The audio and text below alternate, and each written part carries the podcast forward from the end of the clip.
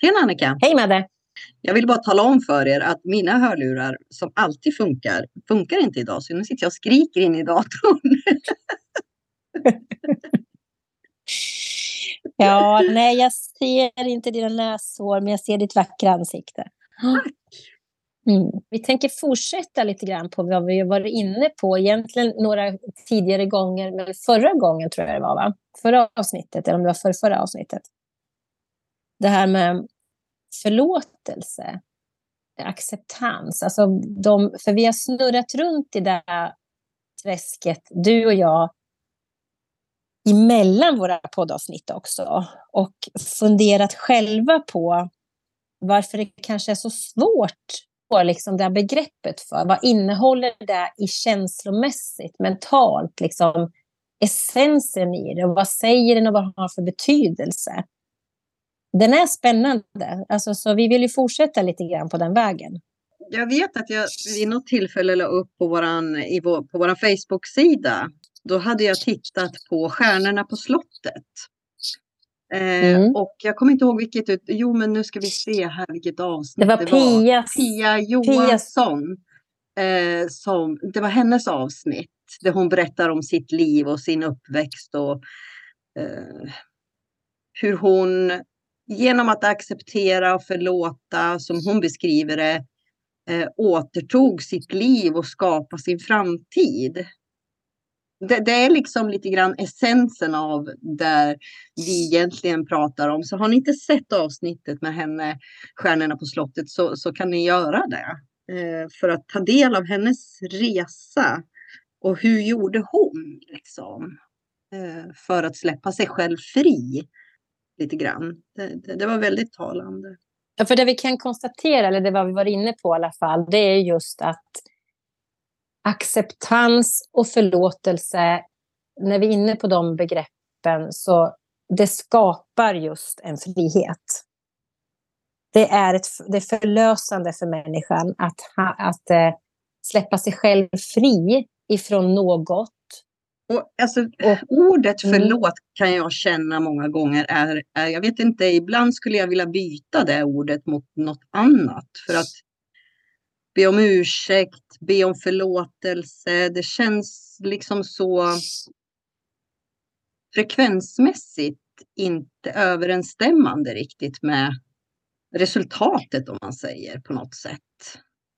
Nej, Nej, och det, alltså jag håller med om att förlåtelse är ett svårt begrepp. Därför att, ja, men jag tror att man förknippar med att man, hur ska man kunna förlåta någon för, för den här personens handling? För handlingen personen gör emot dig eller någon annan kan ju vara fruktansvärd, kan vara hemsk.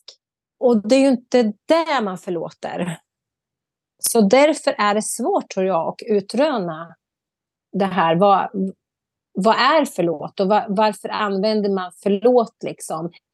Eller jag tänker också att, eh, vad heter det, många kanske har tvingats säga förlåt i sin uppväxt för saker till höger och vänster. Och sen har det då inte funnits något egentligen att säga förlåt. Men som barn kanske du har fått sagt förlåt till dina föräldrar för massa saker som du känner är oförrätt i för att du har inte du har inte gjort det här, eller du har, men du blir oskyldigt anklagad för någonting. Och då förstår jag verkligen att man inte kan säga förlåt. Eller man tycker att varför ska jag säga förlåt? Det är ju inte jag som har gjort fel. Nej, det är det ju inte. Eh, men jag förstår att förlåt är svårt. Ja, det, det är antingen, alltså det finns ju många orsaker till varför vi har tjatat ut det här ordet förlåt. Eh, det kan mm. ju vara som barn att man har blivit tvingad att säga förlåt och så har man inte förstått vad är det jag har gjort för fel. För att man mm. förstår inte hela bilden och någon vuxen har varit omedveten och inte kunnat möta upp och förklara där. Mm. Eh, eller också att man som barn har tvingats säga förlåt till sina kompisar på förskolan eller skolan till exempel. Eller hemma på mm. gatan mm. när man har lekt. Och, mm. och så säger man ah, förlåt, ah, men nu är allting bra, nu är allting utrett. Liksom. Men eh, att be om ursäkt har ju inte att göra med att jag ska göra mig själv skuldfri för att jag har gjort fel. Alltså, och sen är det bra. Utan vad är essensen bakom? Mm. Genom att be om ursäkt. Vad, vad, vad, vad ligger det där för någonting? Mm. Därför att eh, tittar vi lite djupare i det där så har man ju då lärt barn att jag blir skuldfri genom att säga förlåt. Ja, Medan mottagaren kanske inte alls upplever att du ska gå skuldfri. Därför att Nej. jag accepterar inte det du har gjort mot mig. Och den lilla detaljen har man då glömt när man tvingar barn att be om ursäkt. Mm. Så, att, så att det liksom är ju det är ett mm. offer och en förövare i en situation där någon behöver be om ursäkt. Till mm. exempel. Men mottagaren kanske inte är där och tycker att nej, jag är inte redo för den ursäkten. Mm. Jag vill inte ta ansvar för att släppa dig fri från skuld. Mm. Den är lite. Och det är ju där mm. då någonstans också som vi kan bli kvar i någon form av um, offerroll. Inte, ja. inte att försöka raljera eller göra det här enkelt, men jag tror att ett resonemang kring det här kan aldrig vara fel på något sätt. Utan, nej, men det tror inte jag inte, heller. Jag godtar ja. inte din ursäkt. Så är det. Därför att jag är inte beredd att göra dig skuldfri mm. än. Och det får du acceptera tills jag känner mig redo. Ja, och sen är det mycket så att det är inte alltid säkert man hamnar i den situationen där någon kräver ett, en ursäkt eller förlåt, alltså du ska säga förlåt till mig, utan det kan vara eh, alltså allmänt så här att du får till dig att vi bör och ska säga förlåt och acceptera saker i livet för att göra oss fria och så här. Och när man då diskuterar det här med människor um, så vet jag, jag i alla fall stöter på det, att man har bara, nej, varför ska jag säga förlåt för? Varför ska jag be om ursäkt? Eller varför ska jag acceptera eh, den här människans eh, handlande och beteende och så? Det är ju jag som är offret, liksom. Ja, och, och jag brukar säga, du ska inte... Det är ju inte handlingen som du ska förlåta. Men, och jag har liksom känt själv i sådana här resonemang att det är svårt att förklara för någon annan i lite av essensen vad jag menar. Vad, vad, vad det här ska stå för eller vad det ska leda till.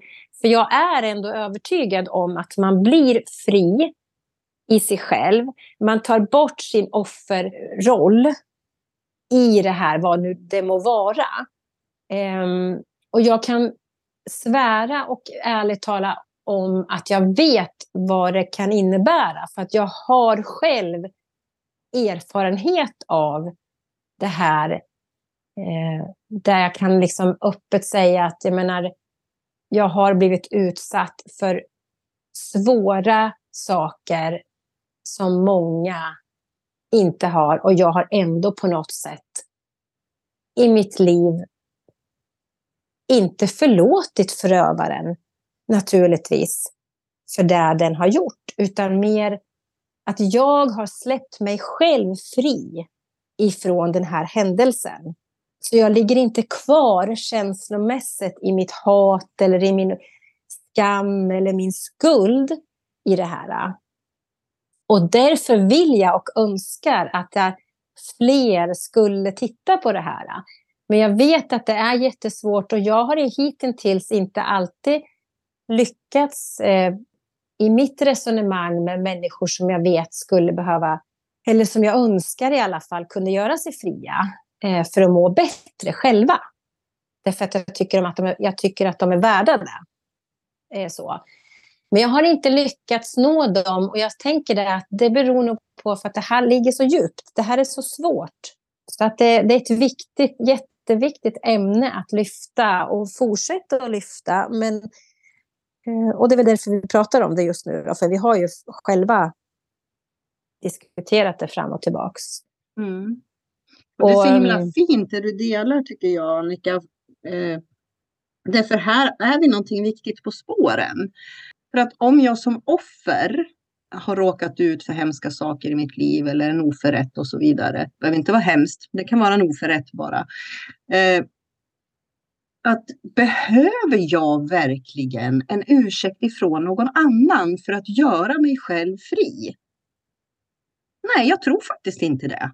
Jag tror inte att jag behöver ha någon annans ursäkt för att någon annan ska ge mig tillåtelse genom sin ursäkt för att göra mig fri. Då är jag ju offer gånger två.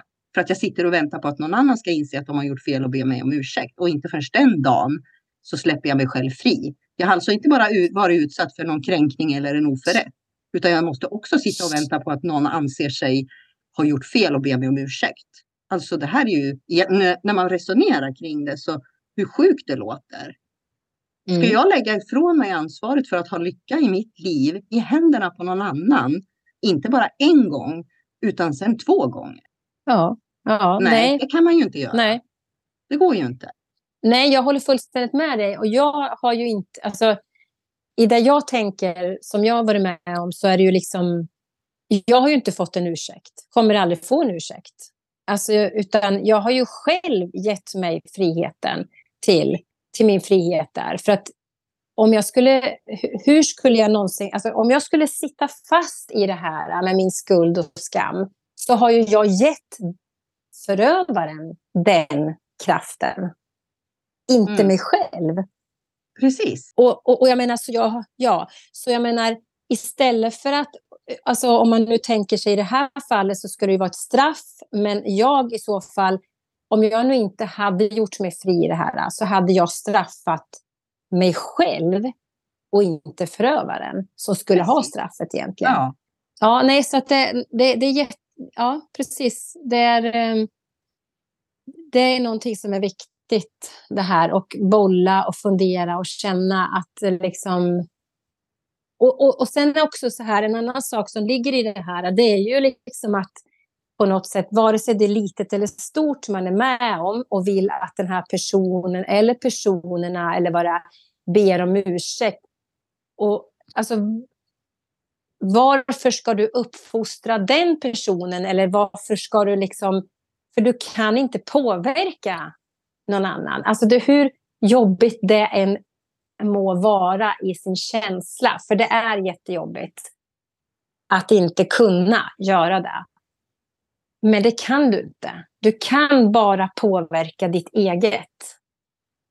Din förhållningstaktik, ditt förhållningssätt, din respekt för dig själv. Det, allt det här kan du bara påverka själv. Och vilket då innebär ganska så enkel matematik att du kan inte kräva att någon annan ska. Nej. Och den är, den är tuff och, och, den är tuff att lyfta fram. Den är tuff att liksom känna på. Mm. Därför att det är en sån stark känsla kopplad till det här med att vara utsatt för en oförrätt. Ja. Någon annan ska fan i mig betala för det här. Mm, något sätt. Där. Alltså där någonstans blir vi kvar och fastnar. Mm. Och så göder mm. vi det med så mycket starka känslor. Och så växer mm. det där och äter på mig liksom på något sätt. Och jag känner ju hur, hur det skapar trängsel i mig. Alltså det, det blir mm. tungt. Om vi, vi nu tänker liksom vad, vad känslor skapar och tankar skapar för energi och frekvens i oss. Liksom. Så det blir tungt. Mm. Det, blir, det, blir inte, det blir inte kärleksfullt, trevligt, fritt, glädjerikt, Nej. utan det blir sorgset, argt, frustrerande. De känslorna mm. istället. Och vill jag ge någon annan makt och kontroll över mitt liv att uppleva det här varje dag i varje del av mig, i alla delar av mitt liv? Eller vill jag hellre titta på i mig själv, varför reagerar jag så här? Vart sitter det någonstans? Varför känner jag att jag har skuld i det här? Varför skäms jag över det här jag har varit med om? Varför? Och börja forska lite där istället och se, är det någonting här jag kan hitta som kan hjälpa mig att släppa mig själv fri för att jag behöver ingen annans mm. godkännande eller goda vilja eller att, att släppa mig fri. Utan jag har makten och förmågan att göra det själv. ja, det här är inte Precis. lätt alltså. Det här är... Det är Nej, det är det inte. Nej. Det är för att det, det, kan ju ta allt ifrån en väldigt kort tid i ens liv till lång tid innan det är förlöst, om man säger för en. Innan man har kommit till en förlåtelse eller acceptans eller vad man nu... Det är ju en form av förlåtelse, så det är ju där vi hamnar. Även om begreppet kan vara svårt för vissa och anamma. Men, men, men det är ju en förlåtelse och den, den kan ju ta väldigt lång tid. Eh, så. Men för oavsett om du har en dag på jorden att leva kvar så har du ändå gjort, frigjort dig till slut ifrån det som ligger där. Eh, och jag kan lova till hundra procent att det är så mycket skönare. Det är så mycket lättare. Ja, verkligen. För att den här sorgen och den här äh, skammen, den här inbundna, låsta skulden eller vad man nu, skam som man bär på, som är kopplat till det här, vad man nu har varit med om, Eh, det är, det är så begränsande och det känner man. man känner, det, det, finns där hela tiden i kroppen, i sitt mindset, i den mentala delen, i, i sitt liksom jag, i sin själ. Alltså allt det här finns hela tiden som skaver. Och sen kanske men man känner att man inte har, det känns inte fritt. Och bara där behöver man, tycker jag i alla fall, öppna upp och lyssna och känna att någonting är det som inte är bra. Sen vad, det får man rota i. Sen hur länge det tar, det, får, det, det vet jag inte. Men den här låsta delen, att släppa liksom... Eh, men jag ser det som att, oh, nu ser jag liksom en, en, en bur, fin fågel som sitter att släppa ut den i det fria. Och då vet, då ser ju, jag tror att de flesta skulle se att den här fågeln sitter instängd, hänger, man ser att den är tyngd av någonting. Och sen när man släpper den fri, den glädjen man ser då om man nu ska titta energimässigt. Men alltså det är precis så det, som jag har upplevt det. Alla. Jag har i min livsresa haft väldigt, eller jag ska inte säga väldigt, men jag kan ha svårt ibland att relatera till människor, vuxna människor, som pratar om sin uppväxt och sin barndom. Alltså återkommer hela tiden till att min mamma gjorde eller min pappa sa eller och, och jag får bära det här liksom, oket nu liksom hela mitt liv. Och går, går hela tiden tillbaka till samma händelser eller samma skeenden eller samma känslor som man upplevde där och då. Eh, därför mm. att jag har haft förmånen eh, i det här livet att ha haft föräldrar som jag inte, vad ska jag säga, jag håller dem inte ansvarig för någonting i mitt liv. Ja, du belastar inte dem för... Nej, och, och visst så har väl saker hänt och så vidare. Men jag, jag någonstans i mig har aldrig sett eh, att de bär någon skuld. Eh, Nej. För mig och, och mitt, mitt liv och hur, mitt, vem jag är. Utan jag har nog alltid liksom sett och förstått att de har gjort så gott de har kunnat. och att det finns liksom arv kvar ifrån deras föräldrar eller när de växte upp och så vidare. Jag ser, har sett röda tråd och mönster. Ja, vad mm. intressant har jag sett och känt. Liksom sådär. Att när jag föddes, när jag eh, dog, alltså så, och de fick rycka ut mig Eh, och den hemska förlossningen och att morsan redan tidigt berättade för mig att hon inte tyckte om mig. Hon kunde inte ta upp mig, du vet, det här har jag berättat förut. Förrän jag mm. var lite större liksom, och kunde sträcka upp armarna och interagera med henne. Att hon där kunde mm. börja bygga en relation med mig. Om jag hade mm. burit skuld alltså, från henne eh, mm. I hela mitt liv så hade det ju påverkat hela mitt liv. Alltså för den första anknytningstiden är enormt viktig och rent omedveten mm. jag idag inte kan känna i mitt liv att det på något sätt påverkar mig. Liksom. Och jag kan inte känna att hon har begått något fel heller. Eh, så jag har alltid känt mig fri från den händelsen. Eh, och, och, där kan jag någonstans känna att jag, jag som människa kan inte tillåta andra att styra mitt liv, även om de beter sig som arslen ibland. så är det ju inte, om de inte ber mig om ursäkt, det skiter jag i. För jag väljer, vill jag fortsätta i en relation med den här människan eller vill jag fortsätta att, att, att uh, ha den här människan någonstans i mitt liv eller väljer jag att inte ha det? Det väljer mm. ju jag och jag väljer också att det bekommer mig inte vad du säger eller vad du har gjort i den här situationen, för det är ditt problem. Det är du, det är från dig det kommer. Det handlar inte om mig. Men när jag växte upp, när jag var när jag minns när jag var liten och skör och ömtålig. Jag, jag sög åt mig som en svamp vad alla människor sa till mig och, och tyckte om mig. Jag menar barn retas och du vet allt det här. Och, och jag minns de hemska känslorna av skuld som jag kunde mm. uppleva mm. hur fel jag var. Den mm. har jag eh, väldigt eh, nära mig själv. Eh, mm. kan titta på hur fel jag många gånger kände mig. Men jag kan inte känna att det begränsar mig i mitt liv, i min vardag idag. Men, men jag kan absolut relatera till när människor kommer till mig och säger att de känner sig fel. Aha, ja, det här är intressant det... alltså, vad det gör med oss det här. Ja, verkligen. Och jag tänker också, vi har varit inne på det för vi kommer alltid vara inne på alla möjliga ämnen som går hand i hand för att det är Ehm, så allt vi touchar vid är liksom, ja, det, det, finns ju där hela tiden. Men jag tänker också det här med uppväxt och, och så. Um, och det tycker jag är ganska vanligt att man skyller på eh, mamma, pappa, sin uppväxt och så. Och det har jag med gjort, absolut. Jag har befunnit mig där också. Men kan känna att jag hamnar tillbaks till känslomässigt i vissa lägen. Som jag liksom kanske drabbas av skam eller skuld eller något sånt där. Men det påverkar mig inte på samma sätt längre. För att jag har insett att jag, eller jag har frigjort mig.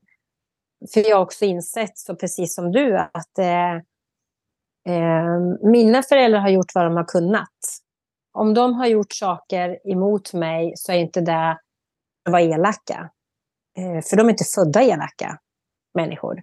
Eh, men att de har liksom utifrån sin vardag, sitt liv, sin påverkan ifrån andra ja, trott sig att så här ska det vara. Och jag menar, det här har vi ju. Alla är ju med i...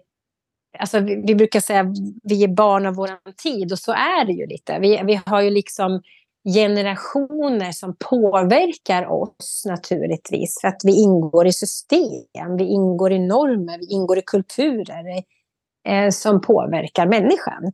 Eh, sen kan föräldrar göra fruktansvärda saker och återigen eh, så är inte det som eh, vi ska förlåta. Eller någon, så, eller någon överhuvudtaget som gör fruktansvärda handlingar eller Eh, beter sig illa eller tänker kränker eller respektlöst beteende eller så. Utan det här, är, det här är liksom att kunna frigöra sig själv och förstå att jag har makten i mina egna händer att styra mitt mig för hur fri jag ska vara. Jag tänker också, jag kommer så väl ihåg min mamma berättade, jag var ju, jag kan ha varit ett och ett halvt, två, första gången jag hamnade på sjukhus i alla fall, jag var väldigt liten. Och på den tiden så fick man ju vara där själv. Mm. Eh, föräldrarna fick inte vara med. Och, och jag, när mamma berättade liksom att vad hon kunde. Hon bara, ja men jag köper en madrass, jag tar med mig en madrass och ligger utanför dörren. Låt mig bara få vara här så att hon ser mig. För då var det också fönster. Eh, det här var ju på infektion jag låg och jag låg liksom, ja, om man har varit på sådana salar så vet man att det är fönster utåt och så här. Man kan titta in i alla fall. Men det är slussar och dörrar och sånt här. Men eh, det fick hon inte. Nej. Nej. Hon kunde ju inte göra mer än att gå sist av alla, komma först av alla.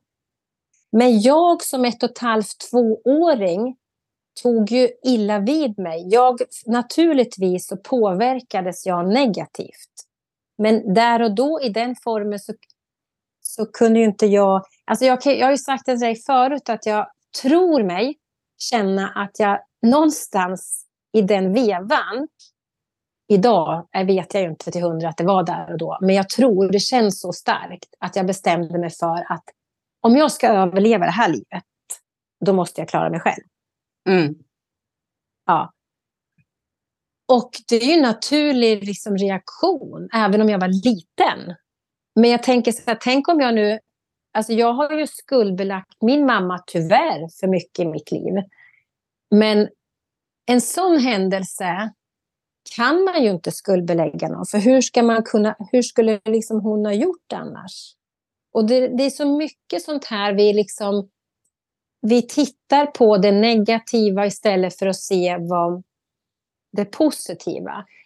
Och vad jag vill komma med det då var att för inte så jättelänge sedan ändå, men för ett tag sedan så sa jag till min mamma att vet du vad mamma, jag är så otroligt tacksam för att du har gett mig livet. Mm. För det är precis vad hon har gjort. Ja. För jag hade ju inte levt annars. Nej. Och jag kunde verkligen känna det. Och när jag kände det, det här innebär inte att jag inte kan bli irriterad på min mamma fortfarande i stunder. För min mamma lever idag. Men, men det är något helt annat. Det är ju så vi, så vi har det som människor i relationer. Men jag kan faktiskt ärligt säga att jag älskar min mamma. Eh, och det är för att hon, hon har gett mig livet. Hon har gjort vad hon har kunnat. Mm.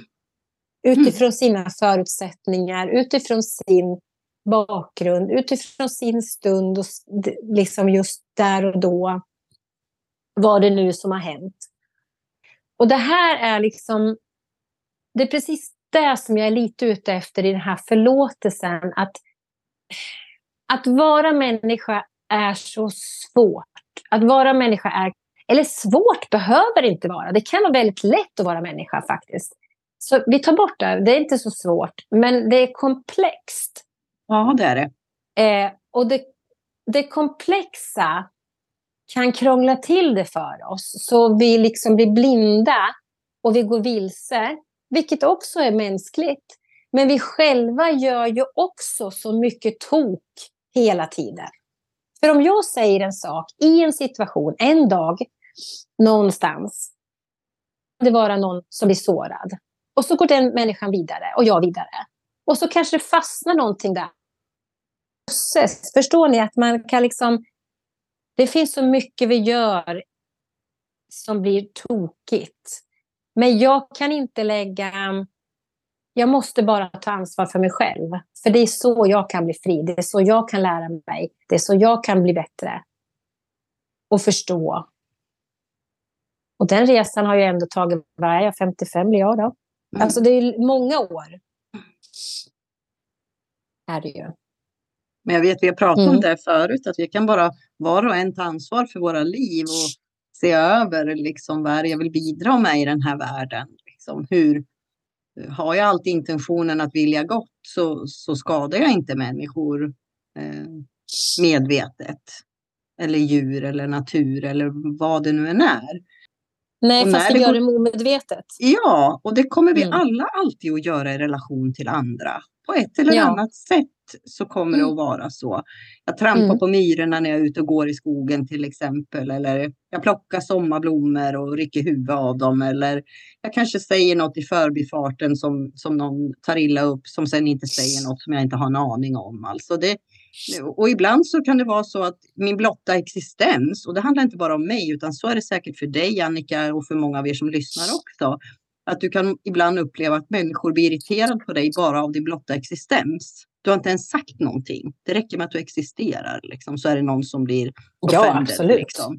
Så att jag menar, vi kan inte gå igenom mm. livet och tro att, att vi, vi aldrig påverkar någon annan negativt, för att det gör vi. Och det, det ja. är livet. ja, det är en del av livet. Ja. Så är det.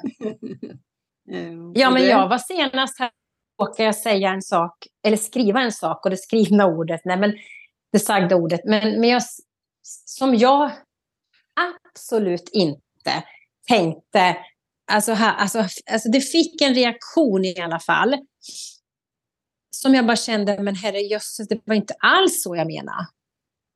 Det var inte alls så jag menade. Men jag menar, så, och det var en enkel sak, tyckte jag, som jag skrev och sa då. men som fick en från mot, till mottagaren då på ett helt annat sätt. Och det är för att jag inte vet vad mottagaren befinner sig i för tillstånd för dagen, för stunden. Och så är det ju alltid. Så kommer det alltid vara. Mm.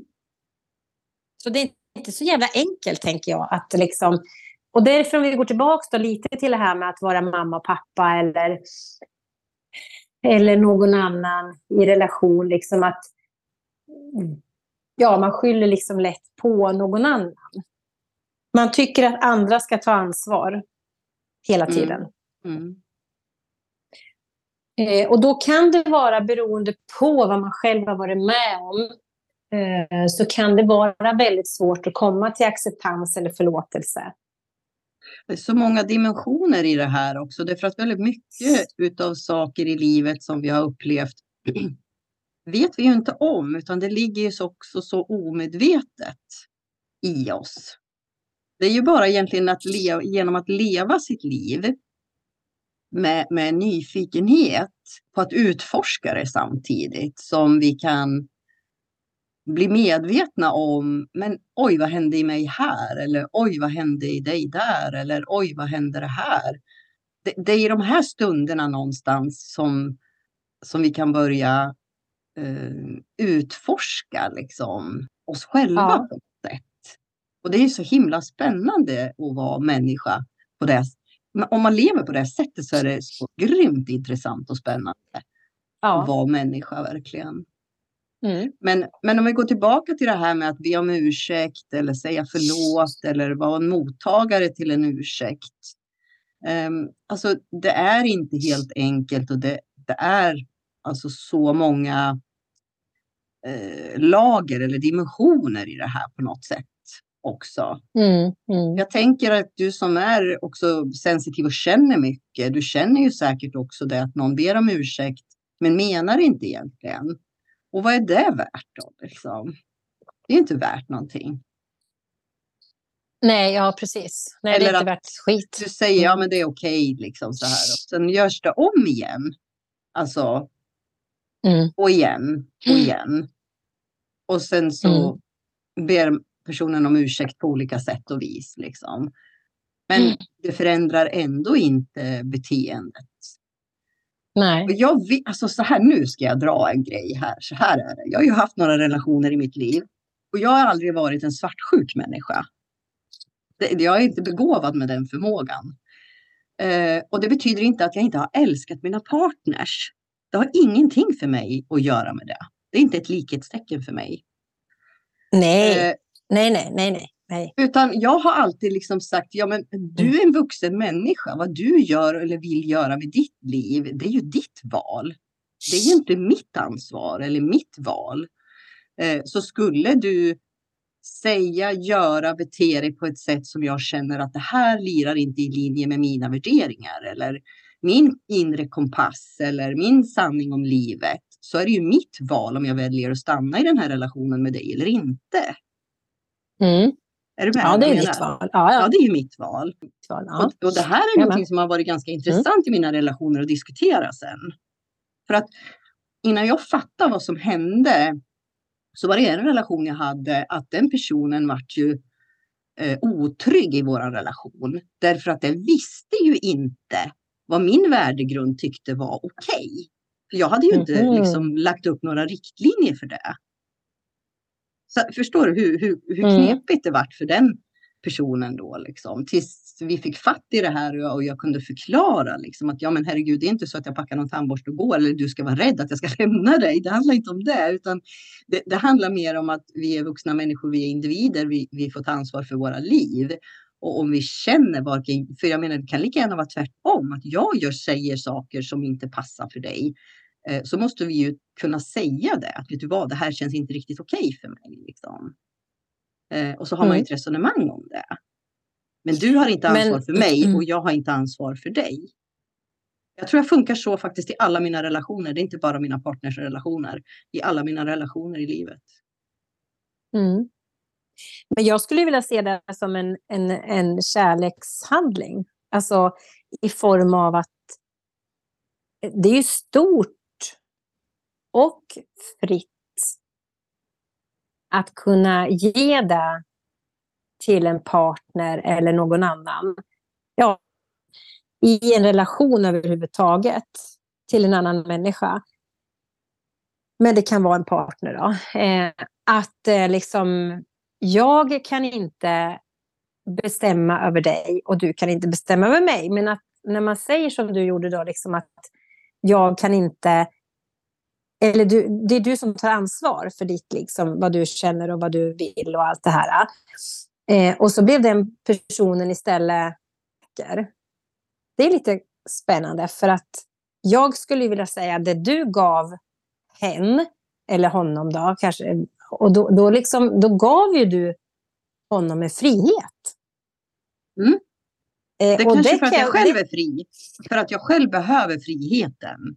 Jo, men alltså, det är ju det är väldigt, väldigt många människor som inte gör det. Man ger inte varandra den friheten. Eh, börja titta på hur de lever och vad de säger till varandra och hur de har det överhuvudtaget så skulle många uppleva att alltså om man är krass så skulle man se att, vi, att man inte ger varandra friheten. Alltså det här är ganska spännande. Jag har aldrig liksom resonerat med mig själv kring det här. Eller jag har aldrig funderat på den här grejen. Det här är spännande för att det, Nej, men det är för att du tar den så givet tror jag. Ja, jag tror I... faktiskt att jag gör det. Ja, jag tror att jag, jag lever så. Att det är så, det är ja. så liksom förankrat i mig på något sätt. Att jag är så trygg i mig själv att jag vet min värdegrund och jag vet vad jag tycker är okej och inte okej och så vidare. Sen självklart finns det nyanser i det här. Det finns inget som är svart eller vitt.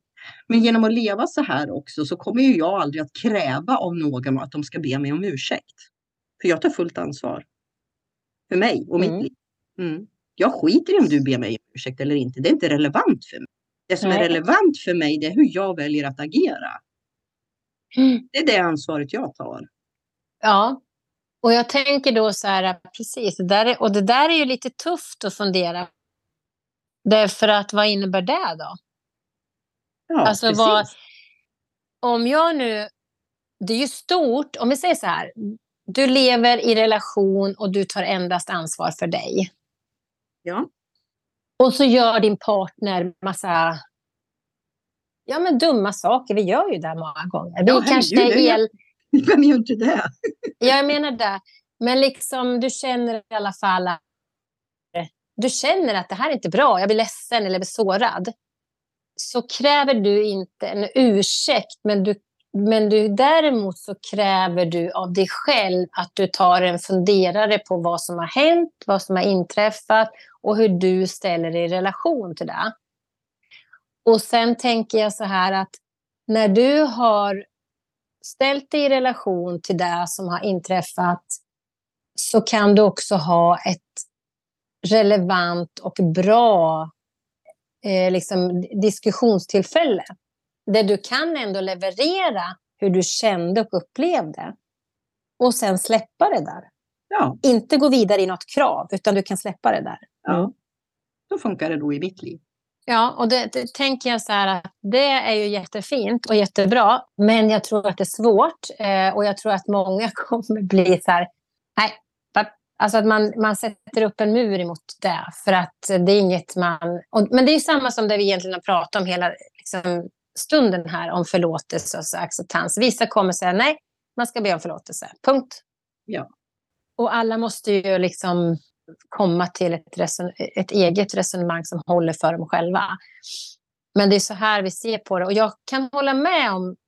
Idag kan jag hålla med om att jag har kommit dit... Eller på ett sätt så har jag, jag har ju inte då haft så många. Jag har ju levt ihop med min man i 37 år.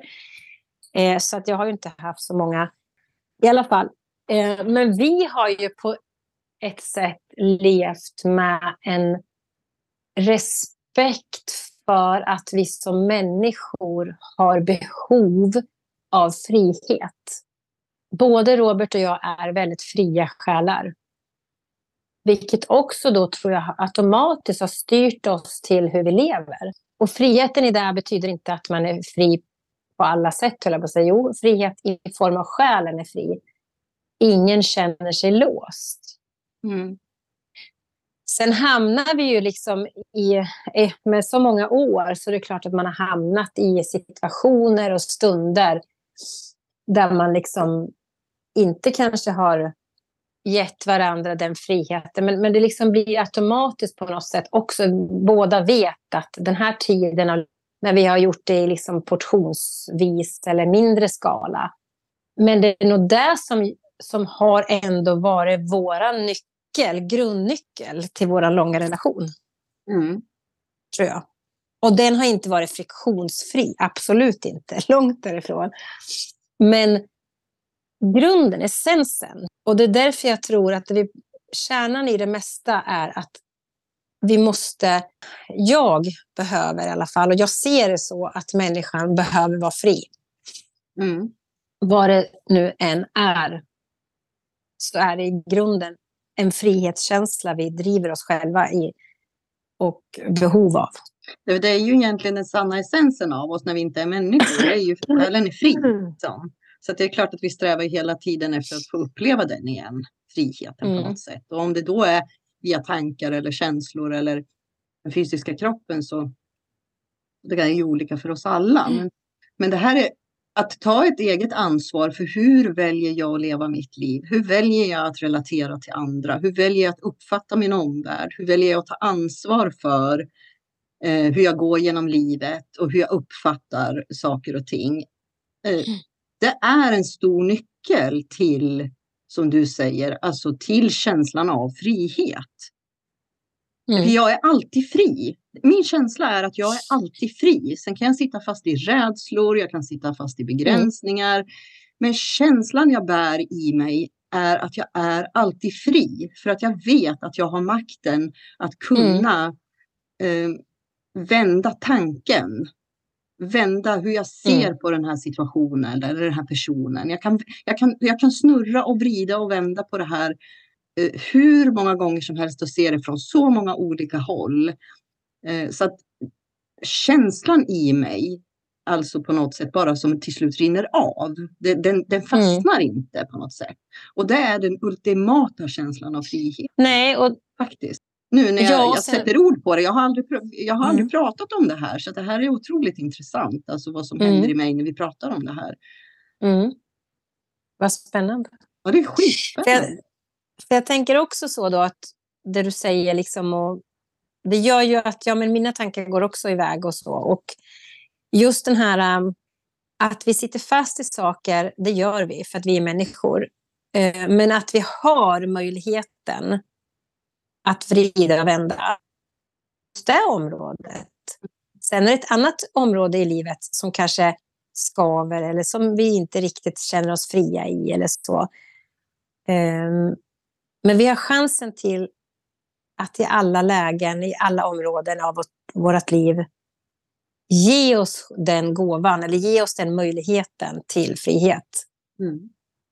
Och att den inte är beroende av att någon annan ber mig om ursäkt min frihet är inte kopplad till att någon ber mig om ursäkt eller att, att jag får någon form av yttre upprättelse eh, om jag känner Nej. mig ofördelaktigt behandlad eller eh, på något sätt. Utan Nej, jag vet inte om jag är rätt människa Nej. egentligen att sitta och resonera om det här kan jag känna. mm. just, just nu känner Nej, jag så. Jo, men... det är du absolut. För att jo, för men, jag drar mig till minnes också. Jag, fick upp en sekvens av, av en händelse i mitt liv. Det var på en arbetsplats faktiskt.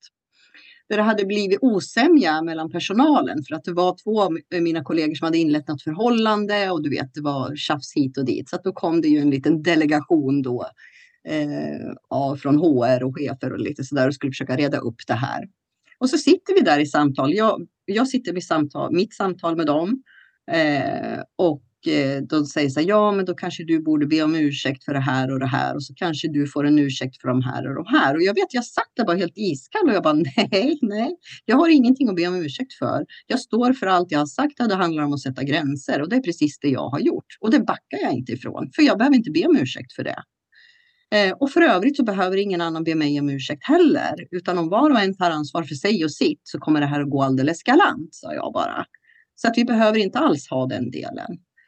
Ehm, och efteråt sen, det tog väl kanske något år eller så där, så mötte jag en av de här HR-personerna eller cheferna då. Hon sa till mig att vi trodde att vi skulle få liksom säga upp. Att det här kommer aldrig att funka. Vi kommer aldrig att kunna reda ut det här. Och framförallt du Madeleine. Därför att du, eh, det fanns ingen, ingen väg att gå framåt med dig i, i diskussionen. För att du hade redan bestämt dig att det blir ingen utväxling av ursäkter här. Och då, då kommer vi ju inte vidare. Det var deras syn på det hela. Jag bara, ja, men det var ju ett intressant sätt att se på det. Att inte tro att vi skulle komma vidare. Jag satt ju där vid, vid bordet och sa att det här kommer gå alldeles galant. Det är inte beroende av att vi ber varandra om ursäkt, utan om var och en tar ansvar för sig och sitt. Och vi är vuxna människor och kan relatera till varandra och utföra vårt arbete, för det är det vi är här för. Vi behöver inte sitta med benen i kors och dricka vin varenda kväll. Eh, så kommer det här bli bra. Vi löser våra arbetsuppgifter. Den var intressant faktiskt. Jag har aldrig Verkligen. Tänkt. Eller hur? Jag känner det nu. Verkligt. För jag fattar verkligen inte vad han sa ja. han kom tillbaka till mig. Vi trodde aldrig det här skulle gå vägen och då hade det ju gått en tid. Jag tänkte, vad fan, ser människor på livet på det sättet? Jag hade inte förstått det. Ja, uppenbarligen. Ja. Men alltså visst, ju äldre man blir, desto mer förvånad blir man över människor. I alla fall ja. jag. jag alltså, just det här som du, det här har jag liksom, när du släpper det här nu, jag bara, okej. Okay. Alltså, då tänker jag så här, då är det inte så konstigt heller att som liten människa eller ensam människa eller gemene alltså att man är som enskild människa har svårt med det här med förlåtelse och ursäkter och acceptans när du har det sitter så jävla djupt till och med i ett system som på en arbetsplats. Och du liksom ska sitta... Jag förmodar att du hade liksom sagt saker som du tyckte där då. Och det var det du skulle be om ursäkt för. Mm. För det var ju inte du som... Alltså ni alla blev inblandade i en händelse. Mm. Då känns det ju lite som att den här... Vi säger att det var en HR-människa. Det var eller var det det? Ja, HR-människa ja, ja, vi kan säga det. Spelar ingen roll, vi säger att det är HR-människa. Som sen uttrycker då att det här hade ju inte gått vägen, eller det här förstod vi skulle inte gå. Alltså satt upp de gränserna. Innan ja. Eller att, In... man, att man tillskriver alltså det här ja, ursäktandet innan. på något sätt så stor betydelse. Ja. Så att ja. det är svart eller vitt, av eller på på något sätt. Det var ja. ju för fan inte jag så... som var otrogen och betedde mig som en, som en idiot.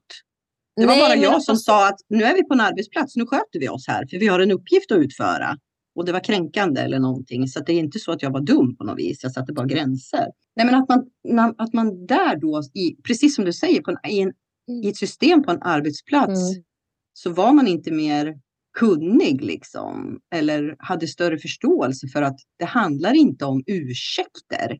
Det handlar ju om helt andra saker. Vad är du mm. beredd att göra? Eller hur kan du gå in i det här på ett annat sätt? Eller alltså ställa frågorna på andra sätt. Mm.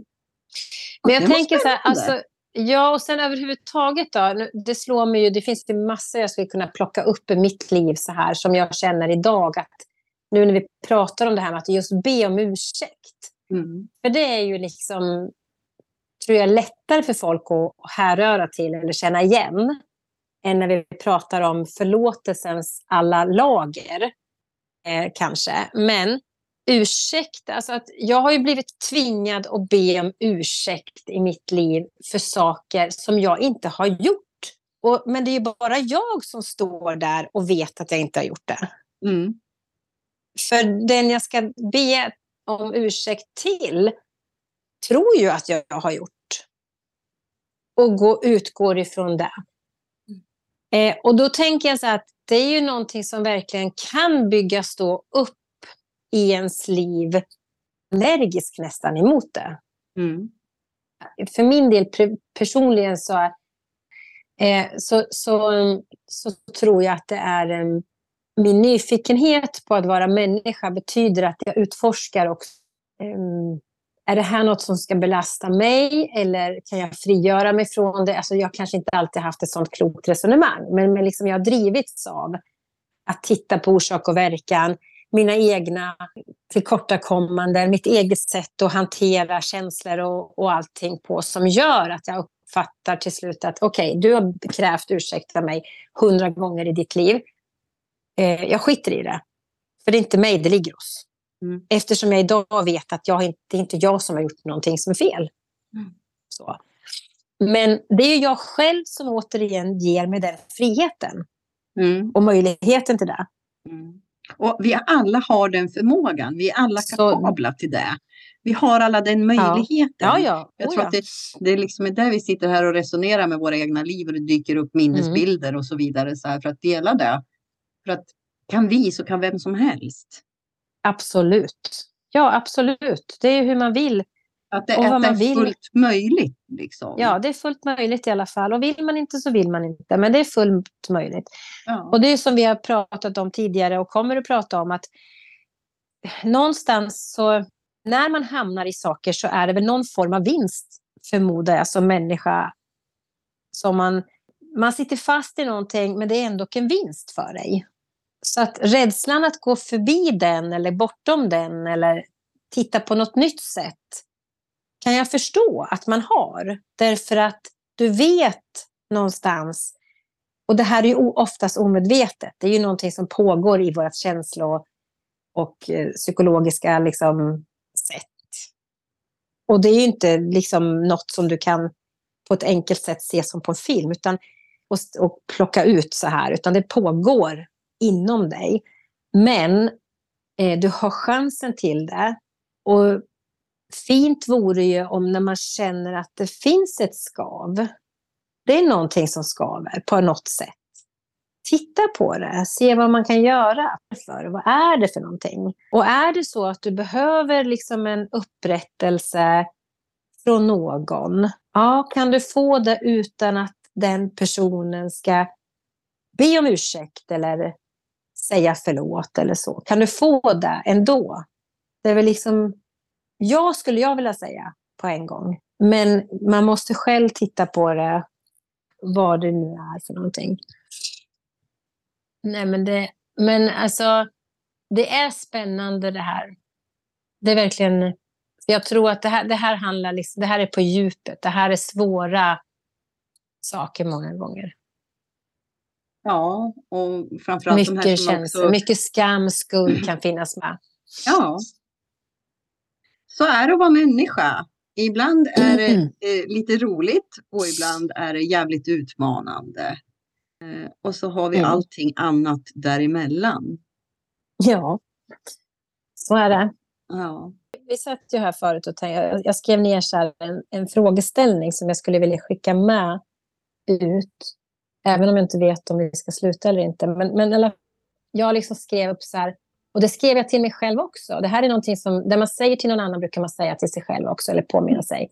Ja. Det är alltså varför, varför vill man stanna kvar i en ofrihet? Den kan man ställa sig. Um, Kanske om man ska dra det lite, lite längre. Vad vinner jag på att stanna? Mm, absolut. Och vad skulle vinsten vara om jag släppte mig själv fri. Ja, ja. Den, ska vi, den karamellen ska vi suga på. Vi skickar den med den här gången. Tycker jag. Och så avrundar ja. vi här. Det var, det var ett... Eh, ja. Eh, tog lite vändningar vi inte hade förväntat oss men, men så brukar det alltid vara när vi resonerar med varandra. Jag har ingen aning om vart vi bär iväg. Nej.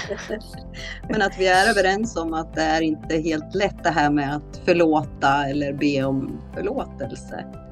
Nej, var, varför, inte. varför behöver vi det? Eller behöver mm. vi ens det? Mm. Mm. Så, då säger jag tjing på er. Vi hörs och syns. Och jag säger puss och kram.